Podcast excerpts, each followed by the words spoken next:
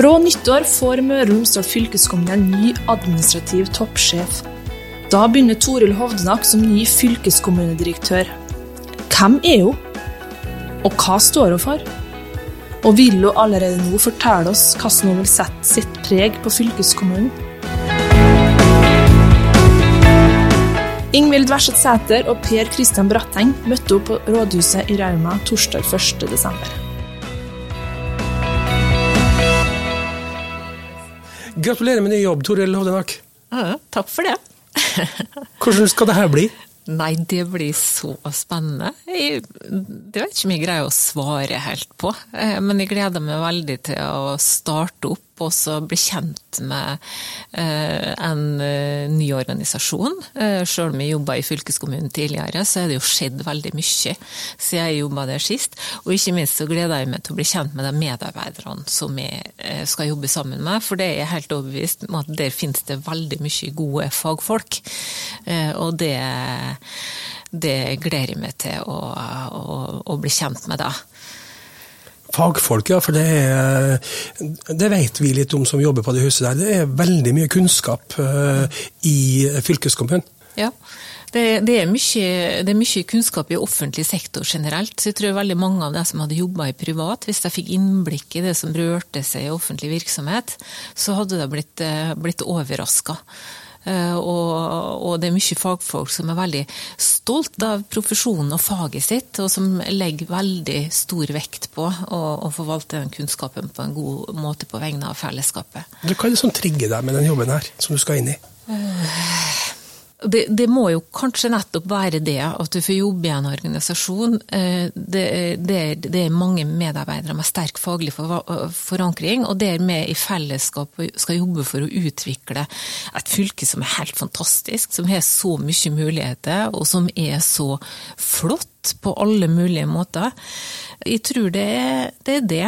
Og, og, så liker jeg veldig godt å jobbe med det, det større bildet. Altså å se uh, ting i sammenheng. Og jeg tror uh, fylkeskommunen har jo fått et, uh, et nytt mandat som i hvert fall er blitt forsterka siden jeg jobba i fylkeskommunen sist. Og det er jo det å ha rollen som, som en utviklingsaktør.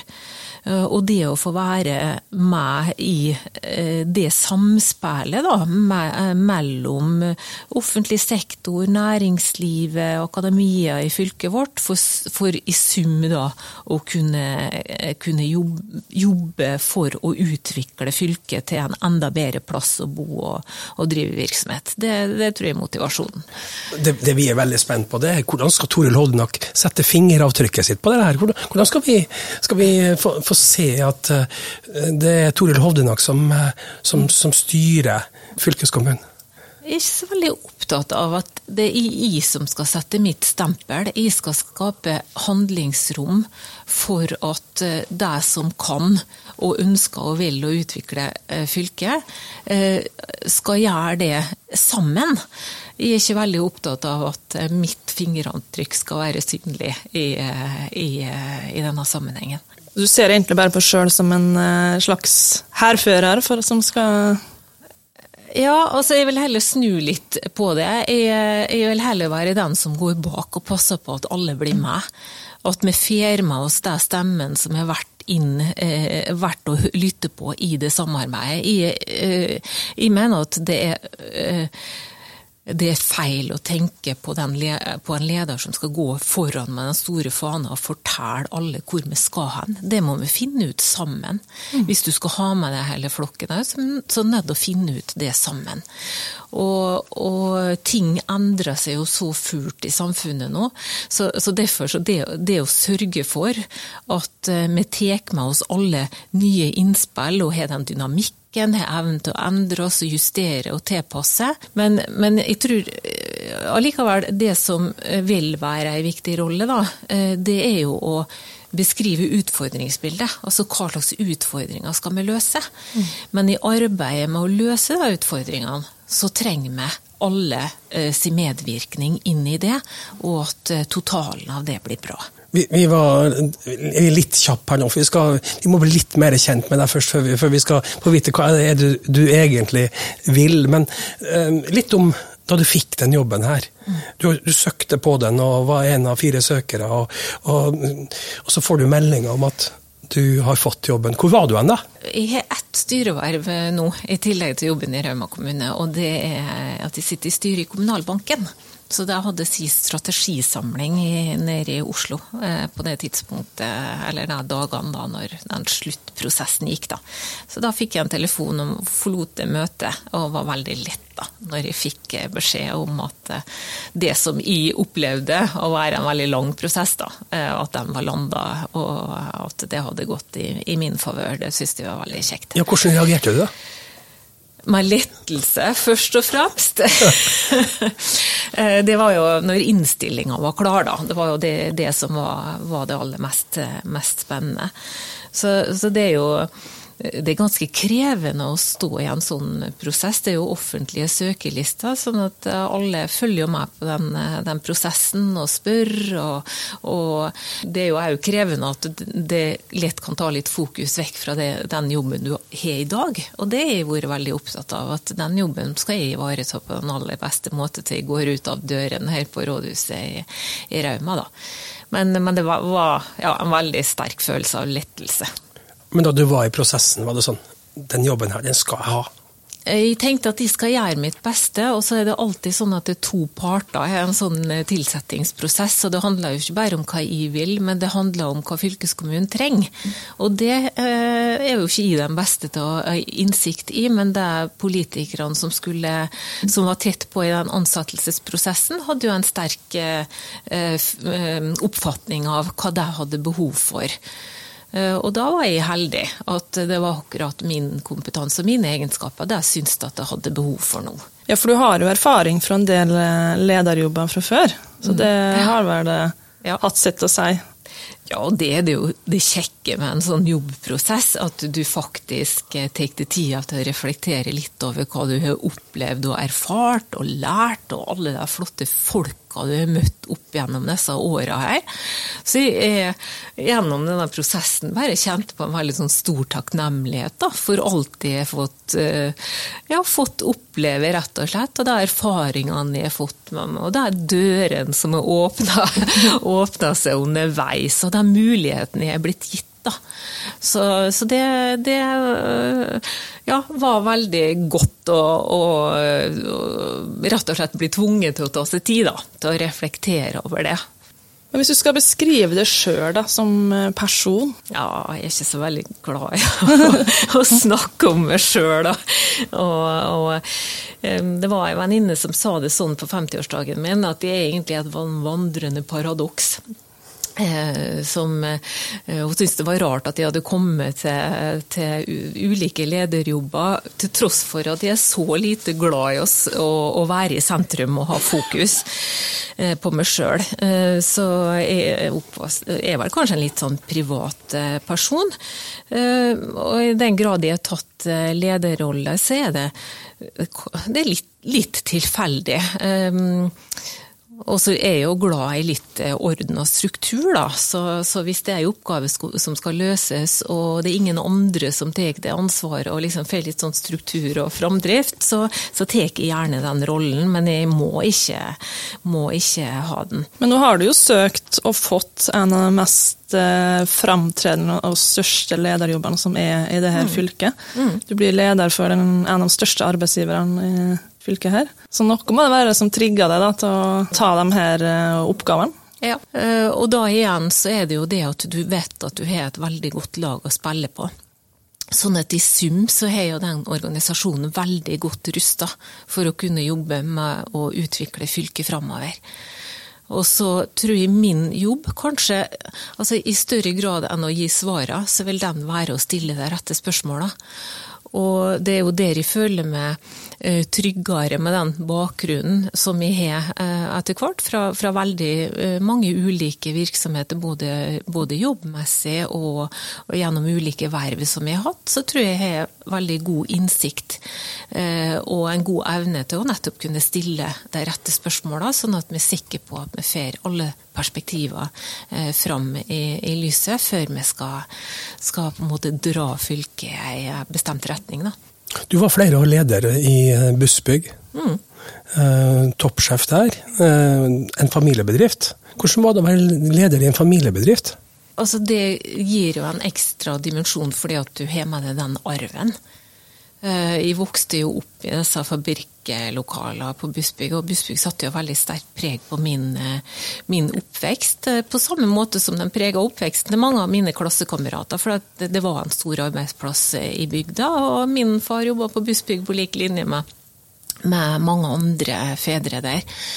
Um, og det var jo en bedrift som satte tæring etter næring, så det er sikkert uh, mange titalls uh, runder med utbygging av lokaler der. Det ser, ut som et sånn lite puslespill. For uh, hadde du godt resultat et år, så, så utvida du med det du hadde av, av midler og det tjente året, og på, over tid da vokste til ei bedrift med godt over 100 medarbeidere.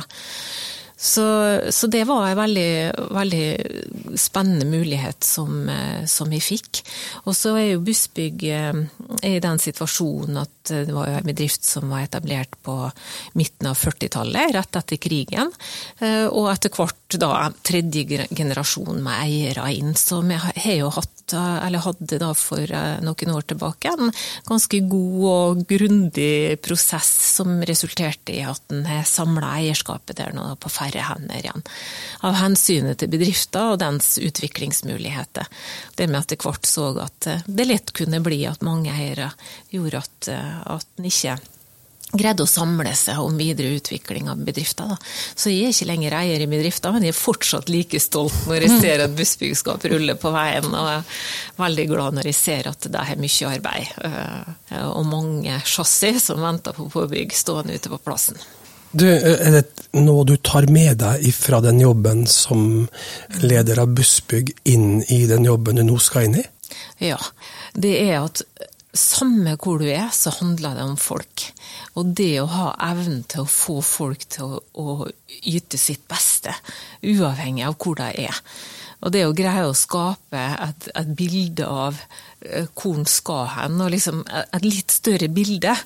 Eh, sånn at eh, alle som jobber i virksomheter greier å se liksom, den visjonen og, og, hvor er det vi skal hen, hva, er det vi skal levere. Det, det, er ikke så veldig ulikt. Jeg tror mange kanskje forestiller seg at, at det er veldig stor forskjell på, på offentlig sektor og privat sektor, sånn, men, men, det koker ned til at det handler om folk. Hvordan ledertype er du?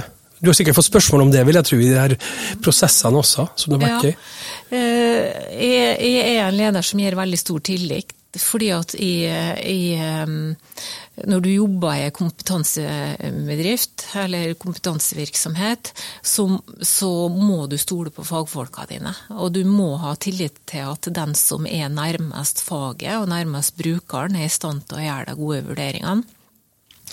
Og så tror jeg jeg sa til det nye kommunestyret i Rauma etter valget at jeg er ganske eh, sånn hønemor i forhold til medarbeiderne mine.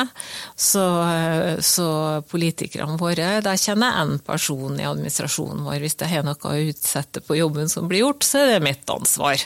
Eh, og òg i forhold til, til innbyggerne våre, så, så, vil jeg gjerne være den som går imellom. For av og til så blir det kanskje stilt litt urimelige krav og forventninger til hva, hva han skal levere, den enkelte medarbeider. Og, og, da vil jeg gjerne være den som buffer opp og, og tar det ansvaret. Tror du at det går an å sammenligne jobben som kommunedirektør med å være fylkeskommunedirektør? Mm. Det er jo litt med dimensjoneringa her òg, da. Ja, og så tror jeg nok den største forskjellen, for å svare på den måten, er vel kanskje at eh, i en kommune så har du brukerne enda tettere på.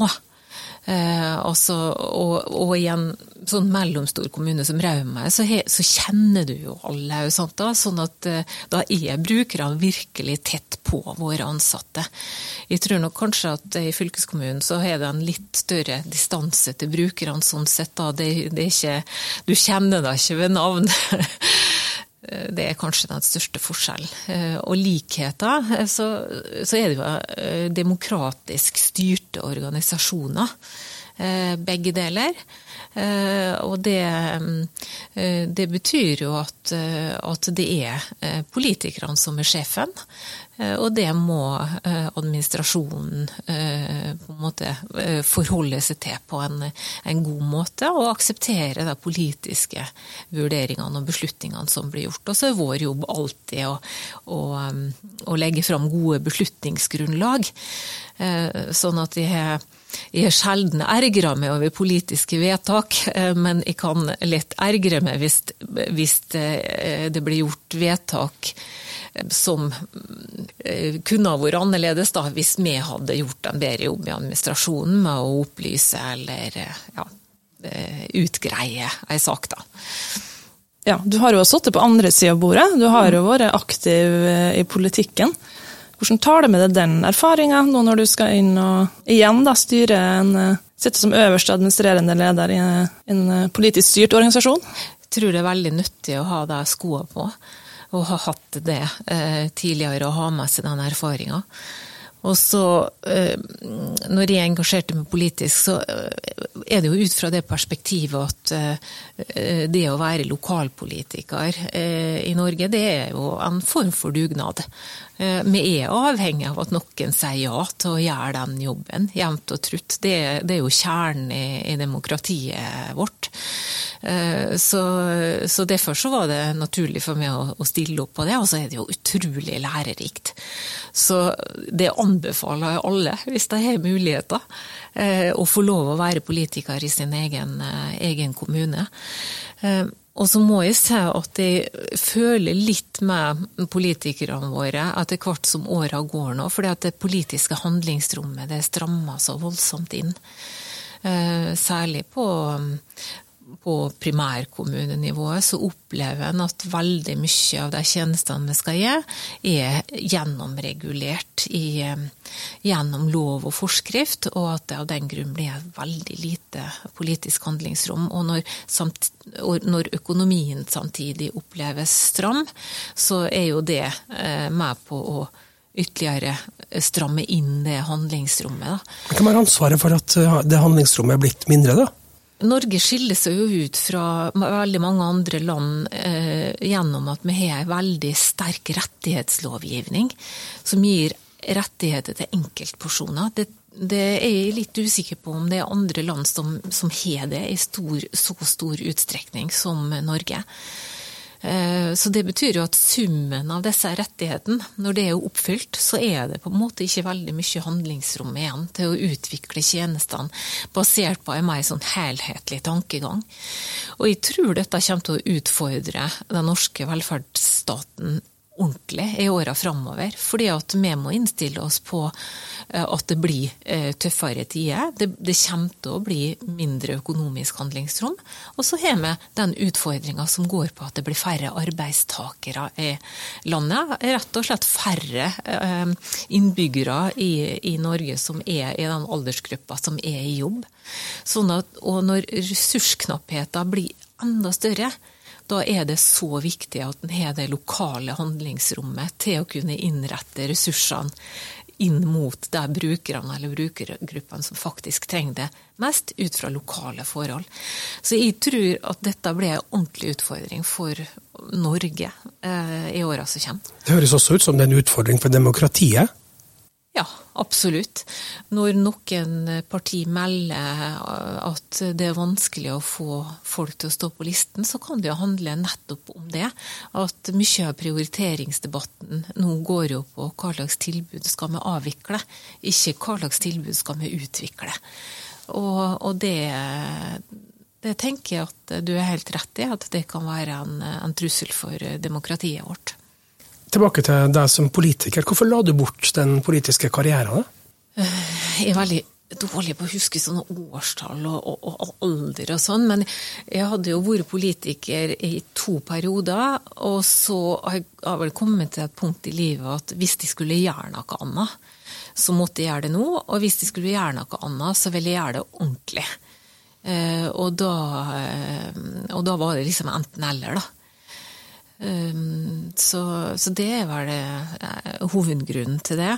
Og så, kjenner jo det at um, det er det, er det, det faglige eh, og administrasjonsbiten. Det, det, det, er det som er min, min banehalvdel. Da. Byråkraten? Ja, det, er nok bedre egna til det enn en eh, på den politiske eh, banehalvdelen. Da, sånn. Noen bruker byråkrati som eh, skjellsord? Ja, det tenker jeg er litt misforstått, da. For at byråkrati, det, for meg så er det, um, er det et begrep som, som beskriver da ambisjonene våre om likhet for loven, um, rettssikkerhet. Um, ja, kort og godt eh, de strukturene som skal sikre at det offentlige behandler eh, innbyggere, næringsliv, på en ryddig og ordentlig måte eh, som tåler dagens lys. Og, men at noen kan oppleve at disse prosessene tar lang tid, det, det, kan jeg, det kan jeg skjønne. Men det handler jo om at det Eh, sluttresultatet nettopp skal stå seg da, i det lyset. Kan det være at folk kjenner litt for dårlig til da, hvordan eh, byråkratiet virker, eller hvordan en, ja, en kommune eller en fylkeskommune, hvordan vi faktisk eh, jobber? Ja, og, og, og, og, så kan jeg skjønne innbyggerne òg, for det å sette opp en garasje i dag, det er ikke bare bare. Det er ikke for amatører. Og det, dette er vanskelig for innbyggerne våre å skjønne, at dette skal være så så krevende at du må ha profesjonell hjelp for å greie å løse det på en måte som gjør at eh, kommunen kan saksbehandle dette her raskt og greit. Så, og dette handler igjen om det lovverket som etter hvert utvikla seg, som helt sikkert hadde de beste intensjoner, men som av og til så må vi kanskje stille oss spørsmålet ved om summen av dette her er litt i overkant. Ja, vi har jo sett litt tilbake historisk da, i fylkeskommunen, og vi har jo funnet ut den første kvinnelige fylkeskommunedirektøren, som det heter nå, da, i Møre og Romsdal. Eh, noen gang. Det har bare vært menn før det. Tenker du at det er på tide? Jeg hadde nesten håpa at du ikke skulle, skulle, spørre om det. For at nå, bank i bordet, nå er fortsatt 14 dager igjen i Rauma, men det er ingen som til dags dato har kommentert på at jeg er den første kvinnelige kommunedirektøren i Ramme, og tenker det er bra, for da er det liksom en eh, selvfølgelig ting. Så kom vi og ødela den nå. Ja, men nå spurte du om fylkeskommunen, ja. heldigvis. Så jeg er fortsatt 14 dager igjen i Rauma. Så eh, IT, altså, det, dette her ruller og går. Altså, vi er snart der nå at dette her er selvfølge, og at vi ikke trenger å, å kommentere på det. Og vi har jo har jo periodevis hatt både kvinnelig finansminister, statsminister, høyesterettsjustitiarius og osv. Altså, de viktigste toppstillingene i Norge har vært bekledd av kvinner samtidig. Så, så jeg, ta tida litt grann til hjelp, så tenker jeg at vi er på plass på alle områder i, i, i samfunnet. Òg i topplederstillinger i næringslivet, som er kanskje det området som i størst grad henger etter eh, sånn som det er nå. Da. Vi har en statsforvalter som er kvinne ja. i Møre og Romsdal, og så får vi nå en fylkeskommunedirektør som er kvinne. Mm. Og så har vi en fylkesordfører som også er kvinne. Mm. Så det er kvinnestyrt. Ja, eh, så det er jo kanskje på tide at noen stiller spørsmål andre veien, da. hvor, hvor, er det blitt av mannfolka? Jeg tenkte at vi skulle spille av et opptak som vi gjorde med fylkesordfører eh, Tove Lise Torve, som leda prosessen med å rekruttere en ny fylkeskommunedirektør. Vi spurte henne om hvilke egenskaper Toril Hollenak har. Og veldig mange gode egenskaper. Hun er veldig kunnskapsrik. Eh, hun har eh, brei og lang ledererfaring. Mye kunnskap om offentlig forvaltning og opptatt av det her samspillet mellom offentlig forvaltning, næringsliv og samfunnsliv. Men så, eh, så har hun òg, eh, i hvert fall mitt inntrykk, at er personlighet Veldig fin personlighet. Hun eh, litt sånn rolig og fin, og folk eh, føler seg bekvem i hennes eh, selskap. Eh, lyttende. Tror hun er en sånn ledertype så folk kommer til å føle trygghet eh, når de er sammen med henne. Og det er veldig tydelig at hun respekterer folk. Og det er veldig viktig når du skal ta på deg en sånn rolle. Ja, Var ikke det fint sagt, da? Ja, veldig fint sagt. Vil du kommentere det? ja, jeg kan nå gjøre det. Eh, ja, nei, det, dette var veldig hyggelige ord. Eh, så det, det skal jeg nå bare prøve å, å ta med meg, da. Uh, hun, hun, jeg kjenner meg jo igjen i, beskrivelsen, og så, og så, er det jo helt si, sikkert noen negative egenskaper der òg. Um, så ja, men, men, dette var en veldig, veldig hyggelig beskrivelse. Da. Å trekke fram noen personlige egenskaper ved deg, som at folk føler seg bekvem når man uh, er sammen med deg, og mm. det må jo være mm. kanskje ved siden av det som vi vet at du er god på, det faglige? Mm. Jeg er jo veldig opptatt av akkurat dette. i du snakka litt om lederegenskaper òg. For det som, de personene som vi syns det er vanskeligst å forholde seg til, det er de som du er usikker på om de tør å være ærlig. Eh, fordi at hvis, eh, hvis vi sammen da, skal jobbe med å utvikle fylkeskommunen i en god retning, så, så trenger jeg alle innspillene. Jeg trenger ikke, eh, jeg trenger ikke de personene som bare er enige med meg. Jeg trenger det som utfordrer mine tanker eller min opplevelse eller min, oppfatning av en ting. For det første når jeg får det hele bildet, at en kan ta de rette beslutningene. Og hvis folk da ikke føler seg trygge, så kan ikke jeg stole på at jeg får de rette tilbakemeldingene. Så, så, derfor er jeg veldig opptatt av det. Og så øh, er jeg blitt så, begynner jeg å bli ei godt voksen dame, sånn at jeg er jo ikke redd for motforestillingene, og heller ikke legger noe prestisje i at jeg skal ha rett. Jeg er opptatt av at vi sammen skal finne ut hva som er rett. Og har ikke noe problem med å snu hvis jeg innser at jeg har tatt feil. Og, det er jo Jeg tenker det må være positivt trekk, det å ha evnen til å bli klokere etter hvert. Og det er veldig ofte jeg går fra jobb og sa at ja, i dag har vi lært noe nytt. Det var en god dag. Så, så det tenker jeg å ta med meg inn i, i fylkeskommunen. Også, så jeg husker jeg, jeg, jeg traff Bjørn Kjos en gang, og han sa jo det at nøkkelen til, til mm, vekst og, og, og, suksess for Norwegian. Nå har jo det hatt sine opp- og nedturer òg, men det var jo at han ansatte folk som var flinkere enn seg sjøl. Så det var jo hele nøkkelen.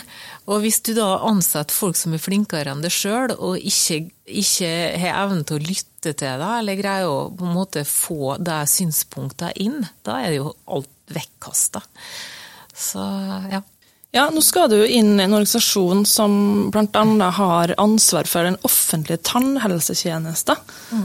Ehm, hva husker du sjøl fra når du gikk til tannlegen i skoletida? Ja. Jeg var veldig heldig, jeg hadde ikke et eneste hull mens jeg gikk eh, hos skoletannlegen. Men ellers så var jo dette Jeg vokste opp på Skåladalveia, og i min oppvekst så var det, jo, eh, var det jo buss, og så var det ferge over Fannefjorden, og så var det buss inn til Molde. Sånn at disse turene til skoletannlegen var jo en hel eh, dagsreise, det, for oss. Eh, sånn at det var jo en happening. Men jeg var da så heldig at jeg, slapp slappe boret, heldigvis. Ja, Så du grudde ikke til Nei, men det var jo alltid like spennende. Jeg hadde jo ingen garanti for at det skulle gå bra neste gang heller. Så, eh, så Men nei, jeg kan ikke huske at jeg grudde meg. Så du var tidlig vant til å være kunde av kollektivtilbudet, da, for det er jo et område som vi fylkeskommunen har ansvar for? Uh, og i dag bruker de vel ferga over Langfjorden flittig? Ja, og jeg tilbrakte store deler av oppveksten på ferga over Langfjorden for at mormora mi hun drev kiosken eh, på ferga over Langfjorden i min oppvekst. Sånn at det gjaldt jo å time besøkene til mormor, hun bodde på Nesjestranda. Så komme dit på kveldstid, når hun da stekte svele til neste dag, det var liksom rett timing. Og dessuten så hadde hun jo kiosklageret i kjelleren med veldig mye godteri. så det hendte at vi ungene fikk forsyne oss av. Og så hadde jeg sommer, eller ekstrajobb på, på ferga den gangen. Eh, og solgte tobakk over, over disken der. Eh, jeg tror det var så vidt nesen rakk over disken, altså. Så, så det er ikke helt at det er dagens standarder, da. Akkurat det. Og ellers så, så bodde, bodde vi mange år på Hovdenakken, og, og da åra før eh, ungene var født, så hadde vi månedskort på bussen og brukte den eh, på jobb, både jeg og mannen min. Og bilen sto godt parkert i, i garasjen de aller fleste dagene. Så vi er jo utrolig heldige med et eh, godt kollektivtilbud i Møre og Romsdal. I hvert fall veldig mange plasser, da. Du bodde på Skåla, sa du i oppveksten, men eh, hvor gikk du på videregående, Hanne? Først gikk jo tre år på ungdomsskolen på Skjevikåsen, og det var jo en lang reisevei. Men det var jo fantastisk, egentlig, for oss å få bytte skolemiljø når vi var ferdig med, ferdig med barneskolen, og få flere, flere eller, eh, kamerater der, og et litt større miljø. Og så var det jo Molde videregående, da, de tre siste åra, mm. før jeg reiste ut for å studere.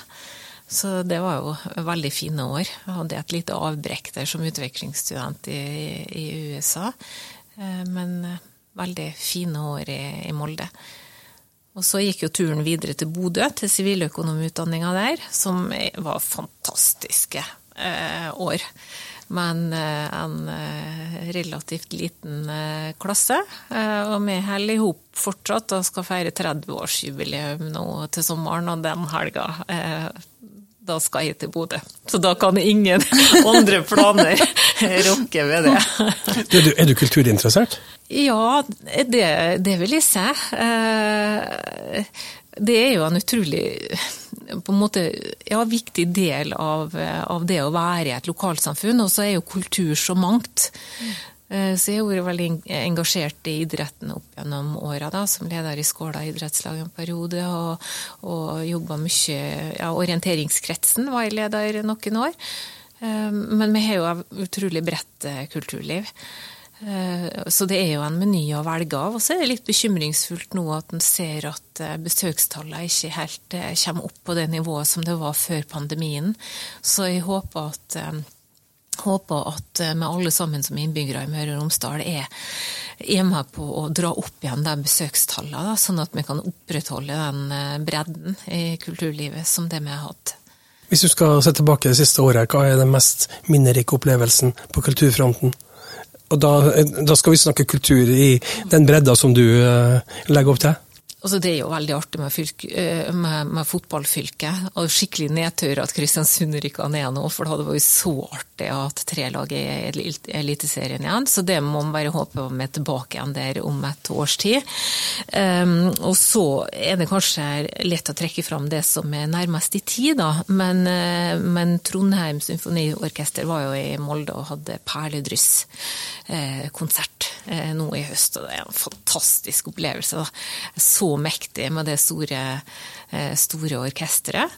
Og så i helga så har jeg billetter på uh, kinoforestillinga på Gulltransporten, som òg viser gammel historie fra, fra, fylket her. Så det gleder jeg meg veldig til å se det på, på stort lerret.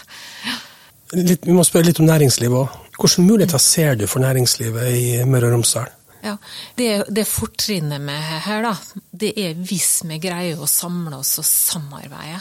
Og Jeg har lyst til å dra det eksempelet litt ned på, det, på kommunenivå, der han i Rauma ser at gjennom samarbeid mellom eksisterende bedrifter har greid å skape noe mer. Altså både å samarbeide om å utvikle eksisterende virksomhet, og samarbeide om ny virksomhet.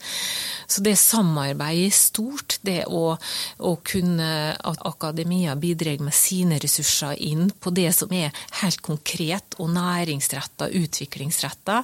At fylkeskommunen bidrar med sine ressurser, og at næringslivet i samarbeid eh, kan, eh, kan, utvikle noe mer og annet. For dere vil være prega av den omstillingstakta som er så høy nå. At det virkelig utfordrer tilpasningsevnen vår. Og så er jo det samarbeidet òg nødvendig eh, for, eh, for, grunn av at vi kommer til å oppleve mangel på arbeidskraft. Jeg var inn, litt inne på det tidligere her nå, at det blir færre eh, innbyggere i den aldersgruppa som, som er i jobb. Og det kommer til å skape ganske spennende utfordringer for fylkeskommunen som leverandør av videregående opplæring òg. Det å være på den ballen der og greie å levere det næringslivet trenger til enhver tid. Og så trenger vi kanskje enda tettere samarbeid med næringslivet for å kunne gi den praksisen som er nødvendig på det utstyret som er eh, nytt og moderne til enhver tid. Så, så, jeg tror nøkkelen ligger i samarbeid, og at vi, vi kan ikke Vi må prioritere all energien vår inn på det som bringer oss framover. Eh, og vi har ikke råd til å bruke energi på det som eh, splitter oss, eller det som kan finnes av motsetninger. For vi har alt å vinne, alle sammen, på at vi greier å styrke det samarbeidet og være rause og romslige i det, i det, arbeidet. Samarbeid må også til for å klare å løse de utfordringene vi har knytta til miljø. Bærekraft.